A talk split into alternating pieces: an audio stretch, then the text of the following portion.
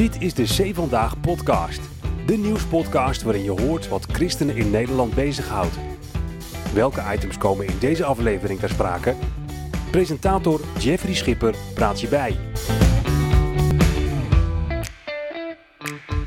Het was te lang geleden dat Hans Maat, pionier, charismaat eh, in de C Vandaag podcast eh, was.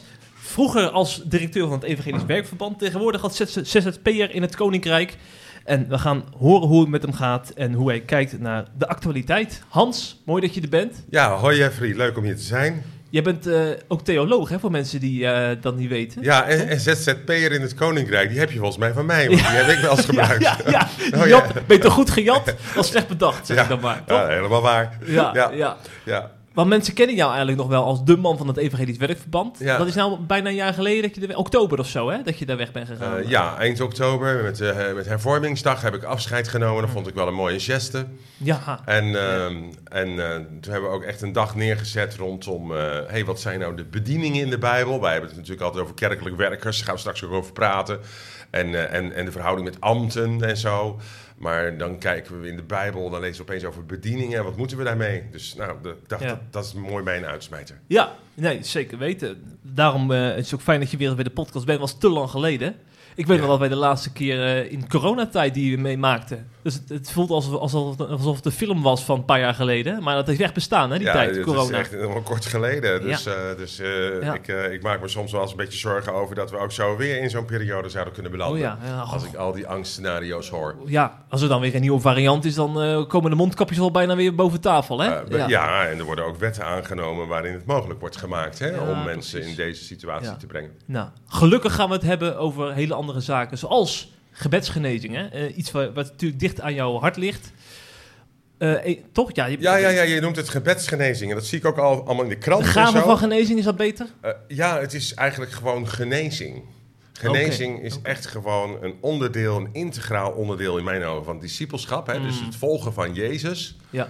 Ehm, eh, en, en, en, en daar hebben wij dan gebedsgenezing van gemaakt. ja, dat is een ingeburgerde term inmiddels. Maar ik snap wat je bedoelt. Ja. ja, ja. Dus vroeger werd Jan Zelstra bijvoorbeeld gebedsgenezer genoemd. Dat vond hij verschrikkelijk. Ik zei, ik ben gewoon een, een volger van Jezus. Ik ben geen gebedsgenezer. Nee, Nee. dus hij, hij duidde waarschijnlijk hetzelfde. Ja, ja. Maar, maar dat zo meteen. We gaan eerst naar onze vaste rubriek. En dat is, zoals de luisteraars gewend zijn, de ergernis van de week.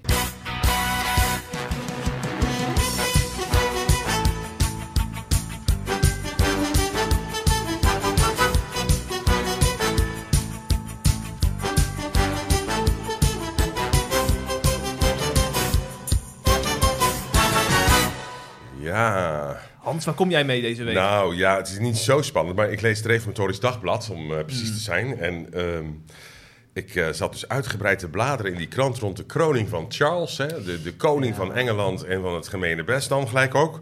Ja. Ehm, en natuurlijk, het is, eh, het is allemaal prachtig. En de woorden die de aartsbisschop van Canterbury uitspreekt... zijn zeker iets wat aansluit bij mijn geloof.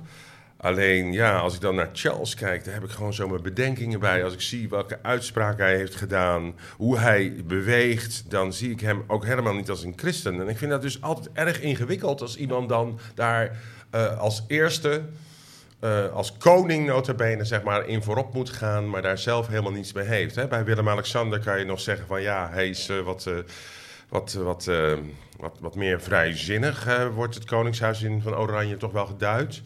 Maar hij had wel een duidelijke relatie, ook met het protestantisme en, eh, en, en, en, en, en, en, en nou, hij heeft nodige geloofsgesprekken denk ik gevoerd ook. Bij Charles had ik een heel ander gevoel. Hm. En zeker ook na, nadat zijn moeder natuurlijk overleed, die toch wel Ah. bekend stond als iemand die ook Zo. een devoot leven leidde. Ja, ja, ja, ja. Trouwe eh, vriendin ook van Billy Graham. Dus die heeft ook goede invloed op haar gehad, denk ik, op de Queen. Ja, dat heb ik als een documentaire Ja. van gezien. Ja, ja, ja. ja. Nee, maar weet je dan, het Reformatorisch Dagblad zo vanzelfsprekend uitpakken op zo'n kroning. En ergens ook, denk ik, ge- gelieerd aan het oranje gevoel wat veel eh reformatorische mensen wel Mm. hebben. Mm. Ik vond het te weinig kritisch. Ja, ja, ja, ja, ja. Terwijl het RD over het algemeen best wel kritisch kan zijn over bepaalde onderwerpen. Maar nu laten ze dan even schieten bij, eh, bij het... Ik denk het, Ja. ja. Ja, Ja, ja. ja. Maar je blijft, je blijft abonnee. Jan, eh, Hans? Nou, daar twijfel ik al een poosje over. Maar ik ben, ik ben echt niet eh, betrouwbaar in dat opzicht. Hè. Dus Oh. ik ga dan weer naar het Nederlands Dagblad. En dan lees ik Zee Vandaag en ik lees ook nog andere. Dus, eh, dus het is een beetje zoeken. Ja, ja, ja, ja. ja. En dat mag. Past misschien ook wel bij eh, het ondernemende type dat je bent, hè? Een beetje vlierenfluiter, van hot naar her. Nou, ik Of ben je, dat, ben je niet Ja, meer... mensen noemen mij meer een creatieveling, denk ja, ik. ja, dat is het, de, de, Of de eh, fatsoenlijke een term. generalist, een, een- Ja. een- iemand die overal kansen en ideeën Ja. bij krijgt. Ja, dat sowieso, ja. ja, ja, Ja. ja. Maar ik heb wel een lijn, denk ik zelf. Mm. Het laatste nieuws uit Christelijk Nederland bespreken we in de C Vandaag podcast.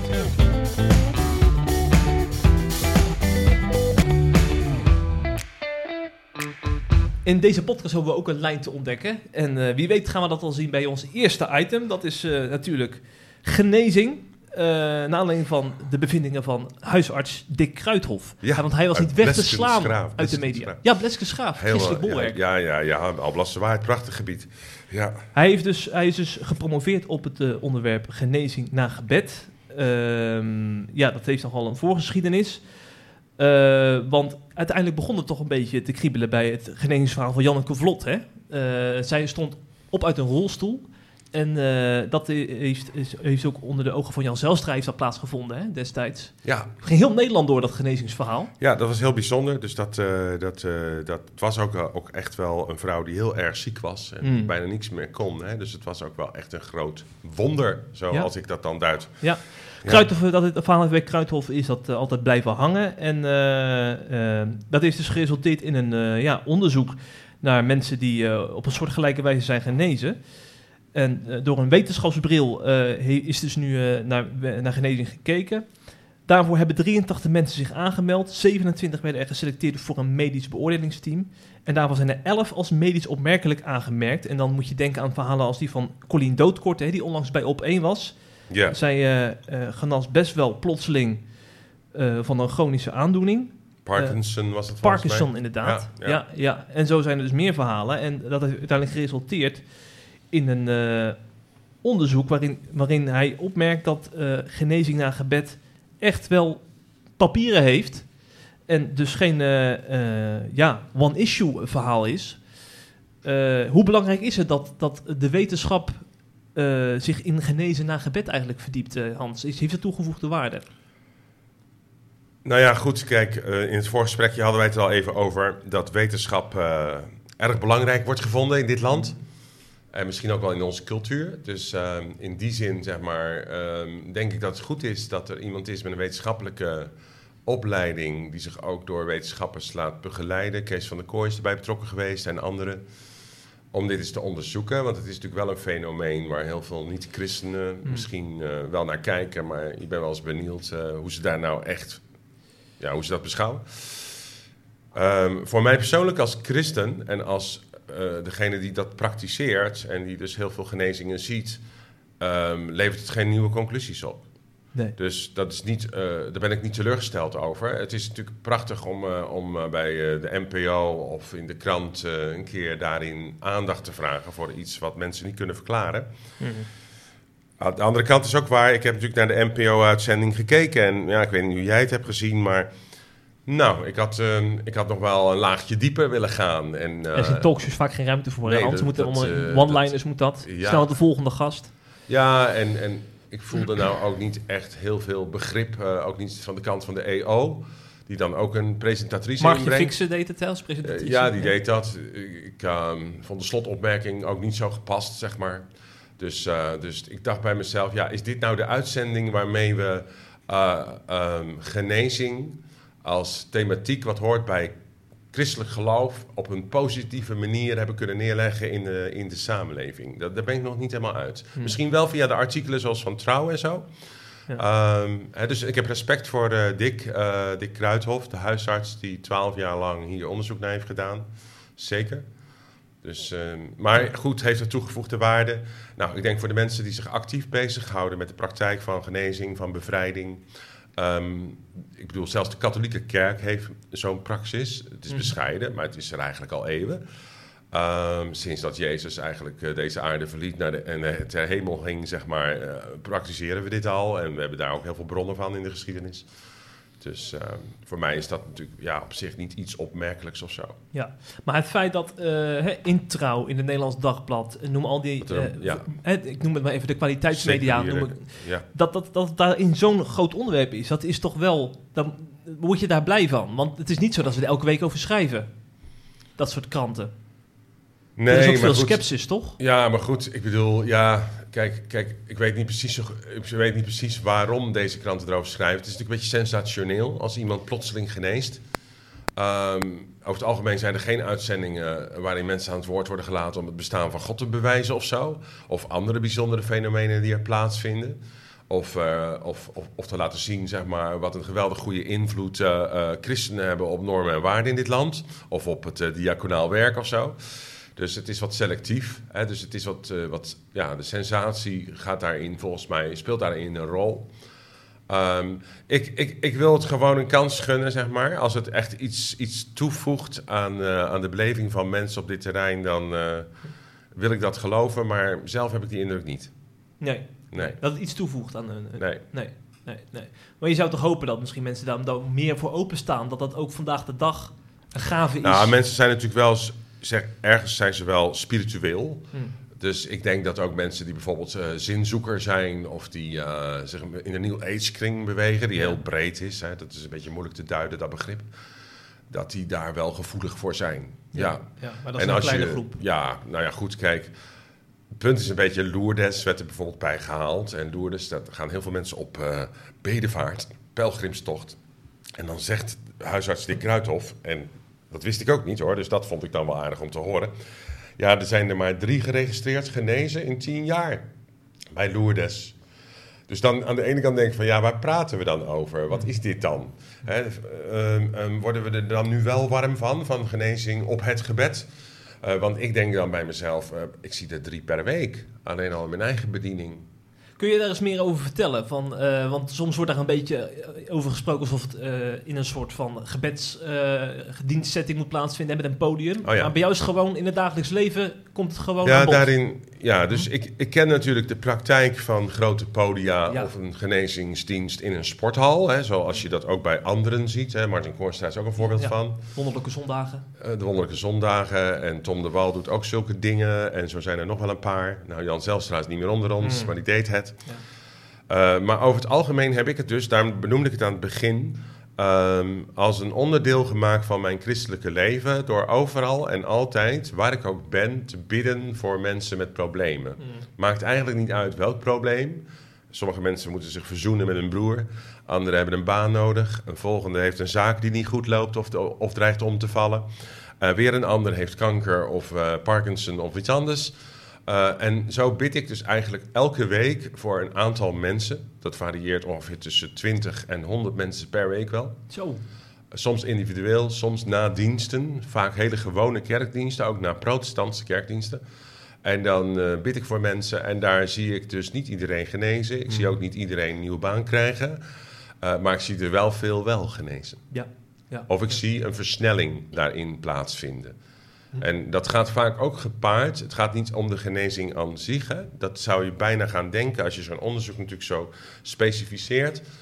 Uh, het gaat eigenlijk, uiteindelijk gaat het om uh, de verhouding van die mens tot God en andersom. En alles wat daarin speelt. En daarin is genezing een onderdeel Mm -hmm. van de ja. zegen die iemand kan ontvangen. Ja, ja, ja. Het is denk ik voor sommige mensen bevreemdend om te horen, omdat we er Ja. wel iets speciaals van hebben gemaakt. Van het is iets van, uh, dat, dat, dat in een speciale setting moet plaatsvinden. Bij jou klinkt Ja. het gewoon onderdeel, alsof je een boterham eet, zeg maar. Dat je Uh, voor nou ja, kijk, ik, ik, ben, ik ben ook enthousiast als ik uh, weer een mailtje of een appje of Ja. een videootje krijg van iemand die loopt te springen terwijl hij daarvoor met krukken liep. Ik bedoel, ik maak dat vaak mee. Um, maar, eh, en daar ben ik blij mee en daar dank ik God voor. En dan ga ik weer verder. En het is een beetje vanuit het uh, koninkrijksbegrip gekomen. Als je de evangelie leest, ik was jarenlang uh, heel hard aan het werk in de kerk, hè, professioneel gezien. En ik Mm. ploegde op rotsen. Um, en op enig moment viel het kwartje toen ik dat gedeelte ook las van die uitzending van die 12 en die 70. Dat is een heel interessant verhaal. Handelingen. Ja, als je dat een beetje, als je dat een beetje eh, abstract maakt, dan gaan mensen praten over personen van vrede en zo, die dan naar huizen gaan en Ja. nou ja, wat ze dan ook doen. Maar als je het heel letterlijk neemt, wat daar staat, dan zegt Jezus: Ik bekleed jullie met kracht. Dan ga je de dorpjes in, je mag stage lopen. En dan staat er heel nadrukkelijk in de gebiedende wijs: genees de zieken, maak de lepra-leider rein, wek de doden op en drijf de demonen eruit. Om niet heb je het ontvangen, om niets mag je het doorgeven. Verbiedende wijs. Gebiedende wijs. Er staat niet bij als het je een keer uitkomt en je gelooft niet meer in je aspirintje of de dokter gaat dan misschien eens bidden of de Heer Jezus je wil genezen. Er staat gewoon genees de zieken. En ik eh, heb dat letterlijk genomen en ik ben dat letterlijk zo gaan doen. En eh, soms moet ik wel eens vijf minuten bidden, want ik ben de Heer Jezus niet, die met één bevel, zeg maar, zei, wordt verlost en die persoon werd verlost. Dat was dan ook vaak een bevrijdende actie. Hè, Het had met bevrijding te maken, dus, dus gezag gebruiken. Maar eh, ik ben dat gaan doen en ik zag, eh, ik zag ook door het werk van de Heilige Geest in mijn leven daar opmerkelijke resultaten bij. Hm, Ik zag hoe tumoren dus gewoon onvindbaar bleken dan, als ze dan één, twee of drie weken daarna onder de scan kwamen te liggen. Ik heb het gezien bij kinderen, bij volwassenen, bij ouderen. Ehm, ik heb alle mogelijke soorten wonderen gezien en ik heb nog wel een heel lijstje wat ik ook graag wil. Ehm, maar ja, dus voor mij, als ik dus dan naar zo'n televisieprogramma kijk, als je vanuit zo'n praktijk komt, die mensen misschien bevreemdend vinden, misschien de C vandaag luisteraar ook wel. Ja, dan denk ik van, ach ja, ja, nee, ja, tuurlijk. Ja, ja, nee, God geneest ook vandaag. Hij is immers altijd dezelfde. Eh, dat is voor mij eigenlijk gewoon kinderlijk eenvoudig. Ja. Dat, is- dat is, ik, ik wil er wel wat anders van maken, maar...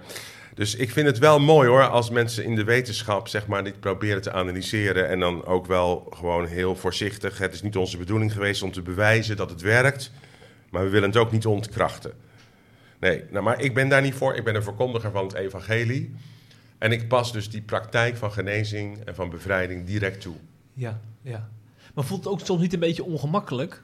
Want het, het, het, het, het kan bij mensen overkomen alsof je dan een soort van God in je broekzak hebt, zeg maar. Van hup, we gaan oh, weer. Zo, ja, ja, ja.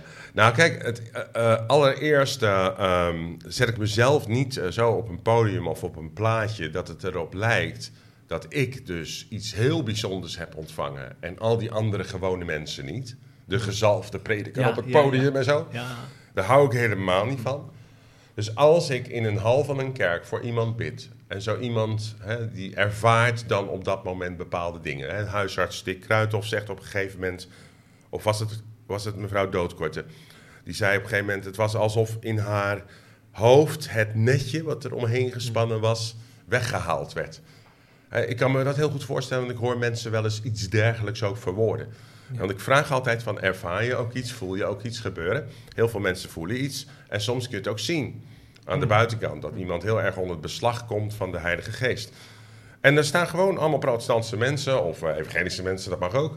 Die staan daar gewoon omheen en dan leg ik uit wat er gebeurt. Want het is niet van mij, het is van hem.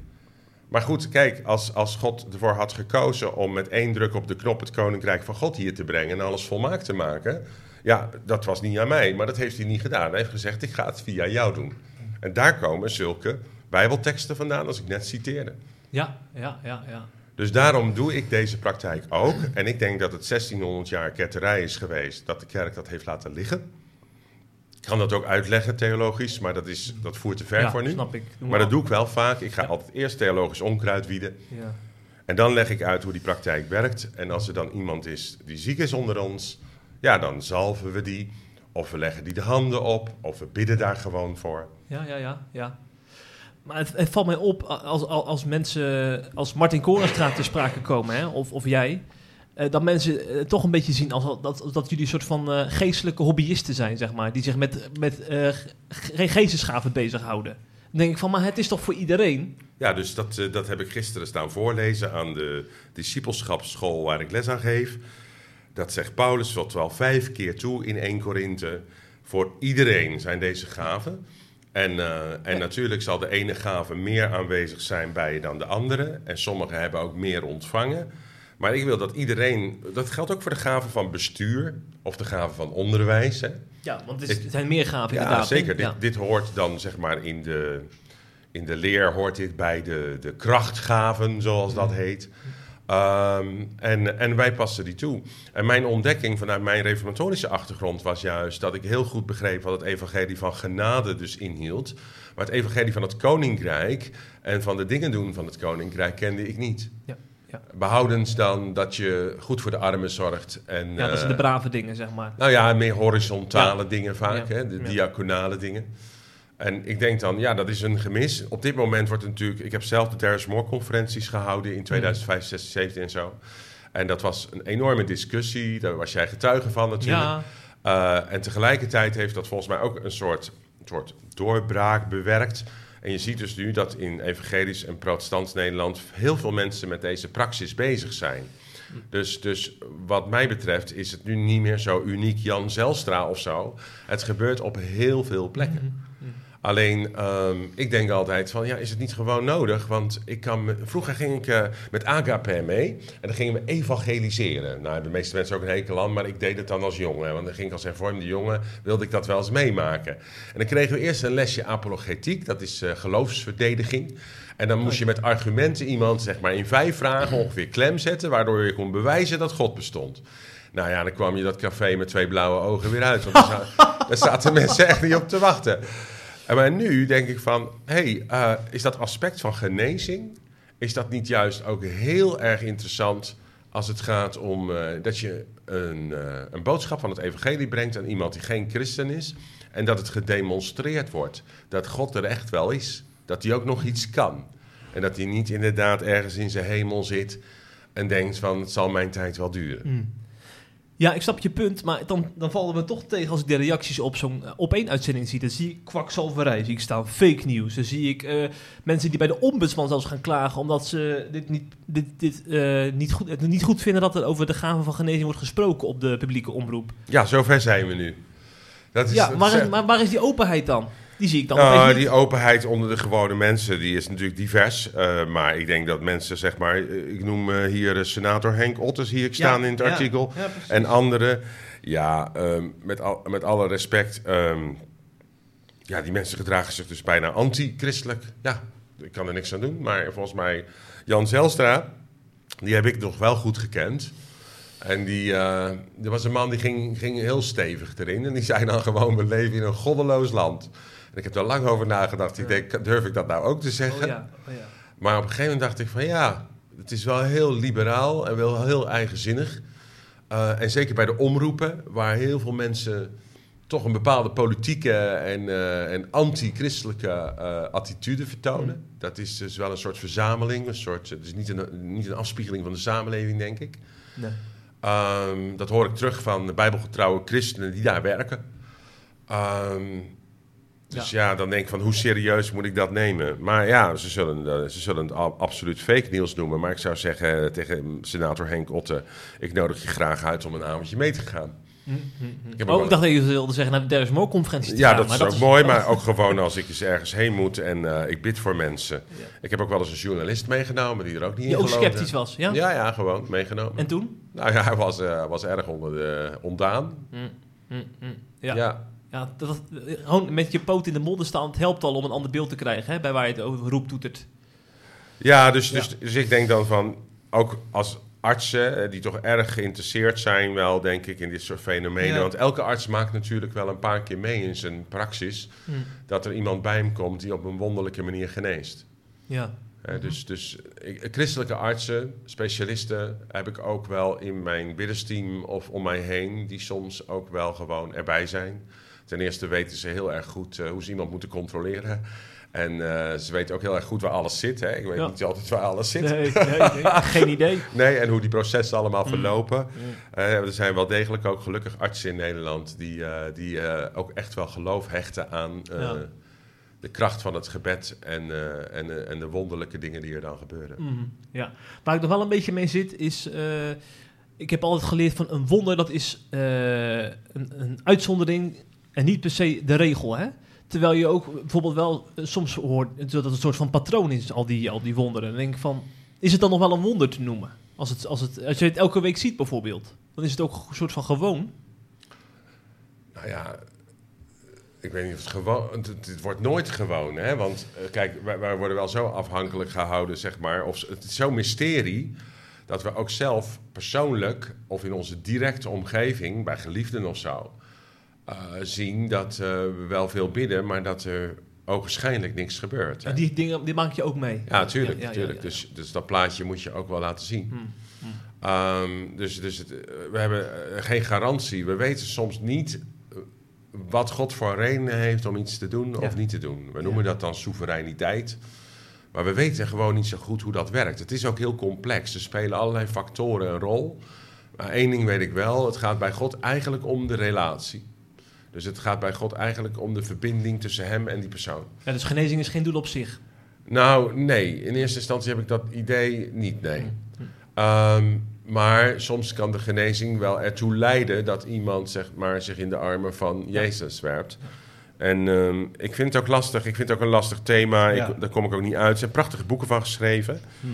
Eh, alleen die praktijk is overal gaande. En ja, dat mensen, eh, zeg maar, eh, of het nou senators zijn of journalisten, dat niet weten of dat allemaal fake news vinden, ja, dat zal wel. Maar binnen de christelijke achterban vinden er heel veel wonderen plaats. Mm. Ook al is het misschien niet ehm, bij ieder in zo'n mate aanwezig, zeg Ja. maar, dat hij nou direct iemand kent in zijn naaste omgeving. Dat heeft ook te maken met dat de kerk er ook verlegen mee is. Mhm, mhm. En Ja. dat is een van de redenen waarom ik deze praktijk dus ook duid en waarom ik ook hier zit. Ja, snap ik. Snap Ja. ik, ja. Over de kerk gesproken. Men heeft de afgelopen maand vergaderd tijdens de synode van de PKN. Eh, ik weet niet of je in het verleden wel eens een synode hebt bijgewoond. eh, Ja, Hans? ja, die duren lang. Ja. Ze, ver- ze vergaderen tot ze vergaderd worden, zeggen we dan. ja. Ja. een item dat al heel lang op de, eh, op de agenda staat van de synodeleden is de vraag of HBO-theologen wel of niet een gelijkwaardige plek verdienen naast universitair geschoolde predikanten. Hè? Dat is echt een item.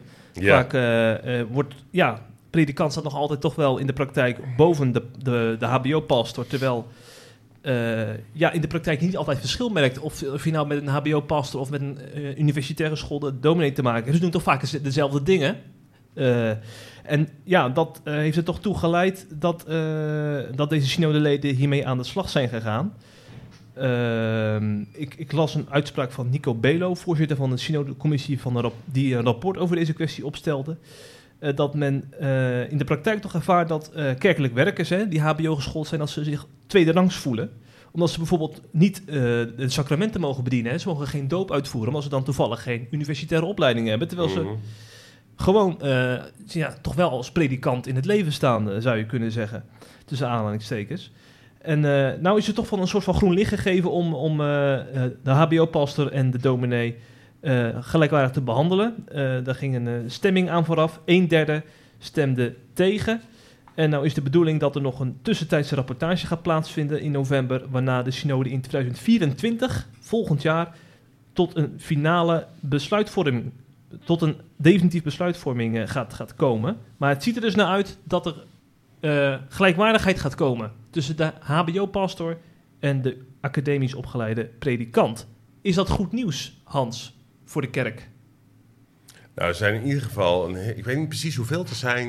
In de protestantse kerk denk ik dat er toch wel 600 eh, kerkelijk werkers zijn of iets dergelijks. En 2200 eh, predikanten. Dus ik denk in die verhouding hè, Mhm. ongeveer. En daar is een deel van pastoraal werker, die dus heel dicht bij het werk van de gewone predikant zit. Hè. En eh, een deel daarvan is natuurlijk ook gewoon jeugdwerker of een specialist op een bepaald terrein, missionair. Ja, pioniers heb je ook veel Ja, tegenwoordig. evangelisten worden al jaren natuurlijk in een bediening geleid, zoals dat Ja. heet. Hè. De, ik weet dat nog van de IZB-tijd. Dan had je een bediening, dat was dan een soort escape. Ook wel, om deze mensen ook een plek te geven. Mm. Hoewel het ook wel weer een mooi Bijbels woord is, want Paulus spreekt natuurlijk over vijf bedieningen. Dat komen Ja. we dan natuurlijk niet meer terug. Hè. Die, die Nieuwtestamentische structuur zien we niet meer zo terug. Mm.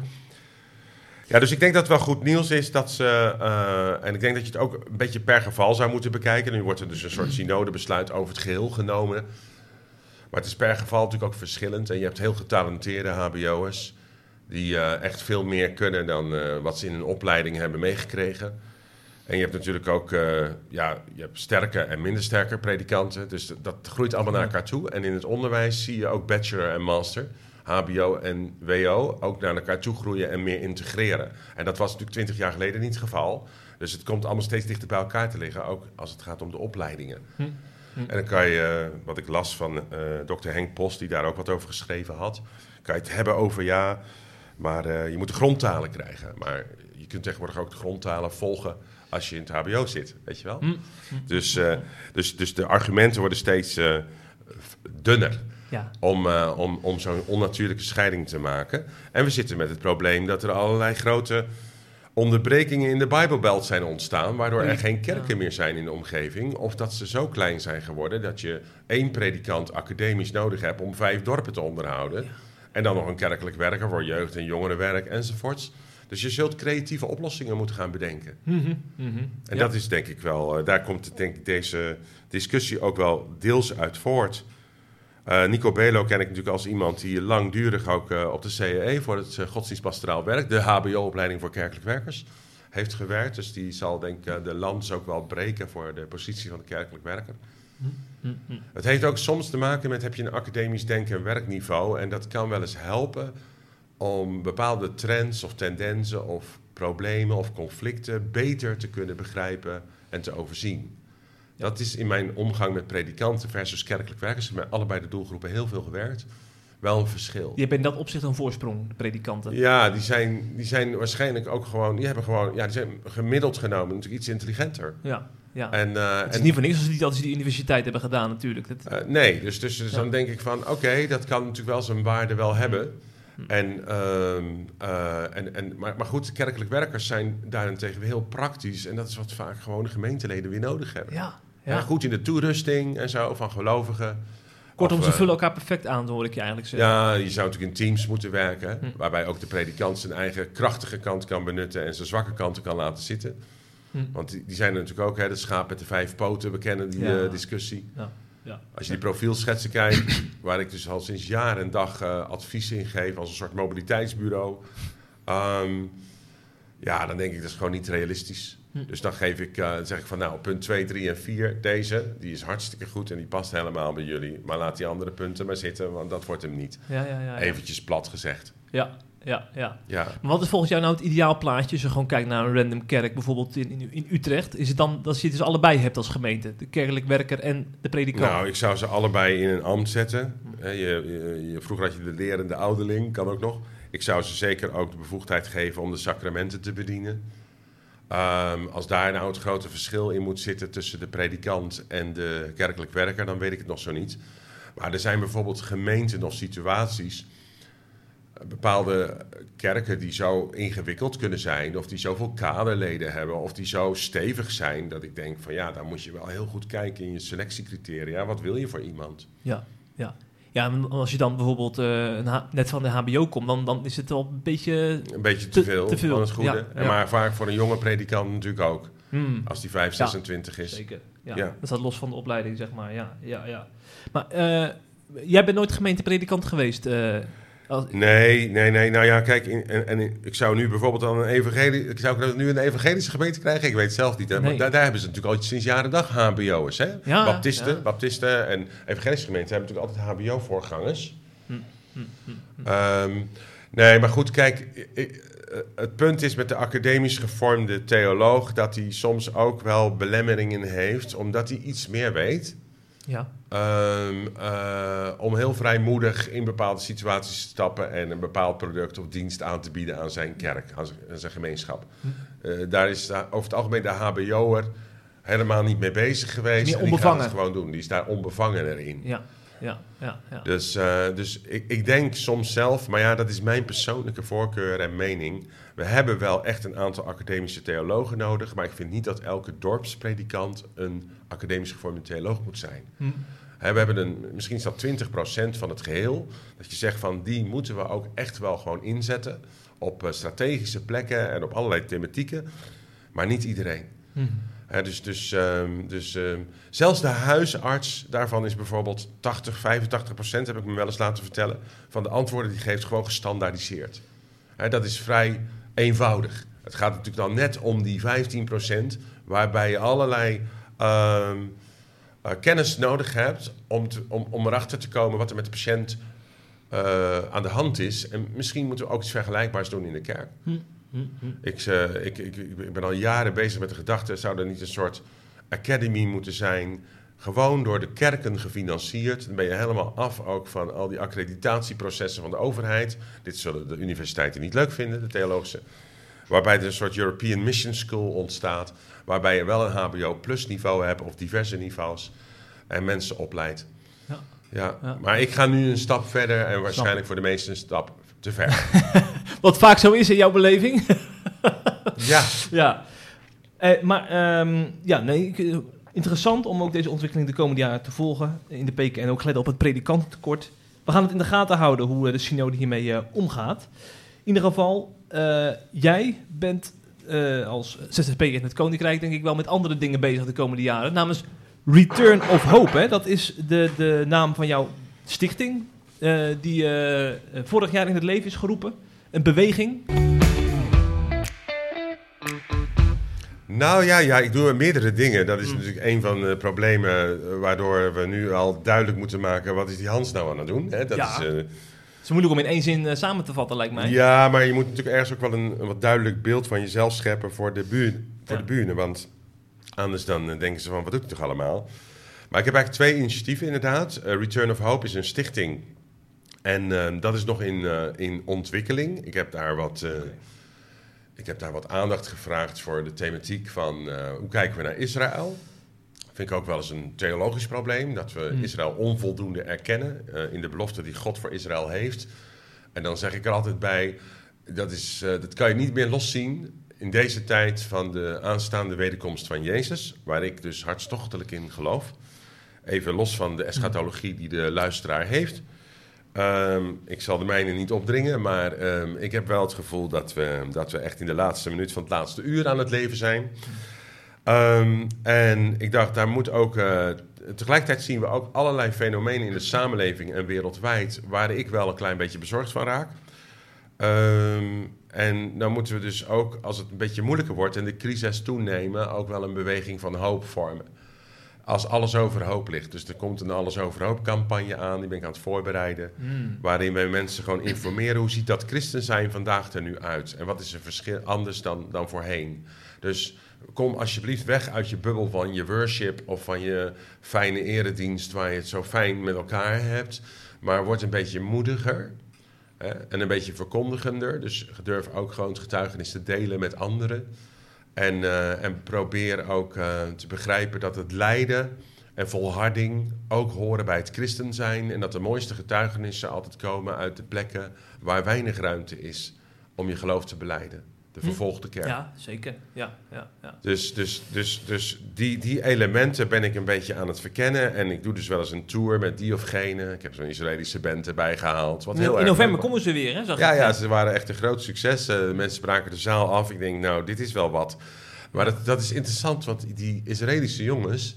Ja. Die, eh, dat zijn dus eigenlijk gewoon Messiaanse christenen. Ja, ja. Maar die, ehm, die brengen het Oude Testament tot leven op een manier zoals wij dat nog niet kennen. En eh, op een hele Joodse, natuurlijke manier in combinatie met het Nieuwe. Ehm, en, ehm, en ja, daarnaast in hun muziekstijl mixen ze het Hebreeuwse en de elementen uit het Midden-Oosten heel erg mooi met de American worship. En dan krijg je een hele grappige nieuwe sound van. Dus ik heb daar wel van genoten. Maar mijn, mijn, mijn huidige werk is ook gewoon dat ik een soort missiecentrum heb gestart. Dat noem ik nu European Mission Center. Het komt voort uit het spreken van God daarover. Dat ik heel graag in het midden van het land een gebouw wil en een, en een plek waar wat grotere bedieningen samenwerken. Ehm, voor kerkplanting, voor toerusting, voor discipelschap, voor evangelisatie. Wat volgens mij de motor en de prioriteit van de kerk voor de komende decennia moet zijn. Ehm, en ik ben, eh, ik ben dus ook bezig gewoon om dingen te doen die iedereen dan ook wel begrijpt. Ik start allerlei discipelschapsscholen samen met anderen. Eh, de Darris Moore conferentie komt er weer aan in een nieuwe jas. En, ehm, en allerlei, allerlei andere plekken waar ik, eh, waar ik vernieuwingsbewegingen start of gemeenten sticht. En dat is wat ik doe. Ongelooflijk, Hans, zeg. Voor de mensen die dachten dat Hans eh, als pensionado in de hangbad zou Nee, gaan nee, liggen. ik Die moet ook nog liedjes schrijven. Hè? Liedjes. Oh ja, ja, ja. Cela, die is aan de, aan de, aan de, hoe zeg je dat? Die gaat infuus voor mij. Nee. Daar ben jij toch mee begonnen met Cela, of niet? Ja, ja, ja, zeker. Ik ben, ik ben eh, begonnen en ik heb eigenlijk ook wel het merendeel van hun liederen geschreven. Ja, daarom. Maar eh, nee, ik heb een hartelijke verbinding, maar ik moet wel weer wat meer daarin investeren. Want ik denk, ach, zou het toch niet leuk zijn als we nog een keer samen een paar liedjes zouden schrijven. Maar er zijn natuurlijk ook wel eh, anderen die ook wel liederen willen schrijven. En ik zit soms te denken, moet ik ook niet wat in het Engels proberen? Oh, ja. Uh, daar gaat tenminste de hele wereld over. Hm. Maar ja, je moet er wel tijd eh, voor hebben. En je zei het al, ik ben ZZP'er in het Koninkrijk. Ik leef dus nu letterlijk gewoon... Ik ben begonnen, ik heb nog niet eens een bankrekening bij de stichting... want dat is echt heel ingewikkeld op dit moment. Fraudegevoelige stichtingen, dus geen Oh. bank wilde nog aan beginnen. Hm. Ik ben een half jaar bezig. Dus ik kan geen gift ontvangen. En toch zorgt God voor mij. Gewoon mensen die jou eh, bij die een dat, envelopje eh, geven. Ja, ja, ja, echt. Ja? Als, de wonder, als we het over wonderen hebben gehad of over genezing, ook rondom voorziening maak ik echt grote wonderen mee. En, eh, en daarom heb ik er groot vertrouwen in dat het wel goed komt. Maar het is dus wel, ja, het is, ik, ik had altijd een baan, zeg maar. Eh, Ik zat gewoon in het loonhuis. Ja. En ik, ik was directeur ergens van. En je kreeg elke maand salaris, maar dat stopte opeens. Ja. En nu is, Maar is eh, dat- nu is God mijn werkgever nog meer geworden. Ik zou toch denken van, eh, het is mijn angst dat ik dadelijk ver onder mijn normale salarisplafond eh, kom te zitten. Nou, tot nu toe is dat niet zo. Ongekend. Want ehm, ja, ach, wat kun je daar nou publiekelijk van zeggen? Ehm, ik had het vorig jaar al dat ik zei: Heer, mag ik u even testen op dit terrein? Want ik heb er niet zoveel ervaring mee. Ik zeg van: Ik heb, ik heb 20.000 nodig. En als u er nou voor zorgt dat die 20.000 komen. En het liefst eh, aanstaande maandag, want dan kan ik aan anderen vertellen dat ik de stap wel durf te maken. Dan, eh, dat zou mooi zijn. En ik dacht, nou ja, Hans, hè, een beetje God zegene de greep. Mm. Mag jij eigenlijk niet zeggen. Eh, op zondagavond om half twaalf was ik in de auto terug. reed ik naar huis uit Katwijk. Daar had ik een, een dienst gedaan. En belt er een man op en die zegt: Ja, zegt hij, ik heb even je telefoonnummer opgevraagd. En ik eh, heb het idee dat God tegen mij zegt dat ik jou 20.000 euro moet geven. Nee. Nou, dat zou heel goed kunnen. Die moet jij aan mij geven. Ah, dus, en dat heeft hij ook gedaan. Oh, oh, oh, oh, Ja. oh, ja. Dus zo Ja. op die manier kan het ook. Ja, ja. Maar dit is wel een les voor mensen die zoiets hebben van... nou, ik, ik heb nu een vaste baan en ik wil misschien wel iets in het koninkrijk doen... maar dan moet ik van giften leven, dus ik ga niet. Dus Nee. Dat is een kwestie van Nee, waar, ja, waar je zeker van moet zijn, is dat jouw roeping weer ergens anders ligt. En dat eh, God daarover spreekt. ja, precies, precies. Dat is, eh, dat is het geheim eigenlijk. Dat is geheim. Ja. Hans, ik eh, wil je bedanken voor deze podcast. Ik heb nou eigenlijk een spontaan idee. Die wil ik toch even publiekelijk delen. Ik heb wel eens vast bij Peter van der Weert. Ik weet niet of je die kent. Ja, die Van- ken ik wel. Die is eh, ook best wel een, een druk met eindtijd en met tekenen Ja, die is van het zoeklicht. Van het zoeklicht. Ja. En ik wilde eigenlijk een keertje met hem een themapodcast maken... waarbij, hij, waarbij we wat eindtijdtekenen bespreken. En toen dacht ik van... Kan jij dan niet gewoon mee aanschuiven, dacht ik net, toen, wij, toen jij het er even erover Oh ja hoor, daar ben ik helemaal voor. Ja, man. Ik zie, ik zie er heel veel omheen, dus eh, ja, Nou, nou, dan komt er nog een keer de uitnodiging naar jouw kant op voor de Eindtijd-podcast. Goed? doen we. Gaan we, Hartstikke gaan we een leuk. keertje doen. Hartstikke leuk. En bedankt voor je bijdrage. Graag gedaan. En luisteraars, tot de volgende keer. Tot dan. Hopelijk heb je genoten van deze C Vandaag podcast. Volgende week is er weer een nieuwe aflevering. En blijf via cvandaag.nl op de hoogte van het laatste nieuws uit Christelijk Nederland.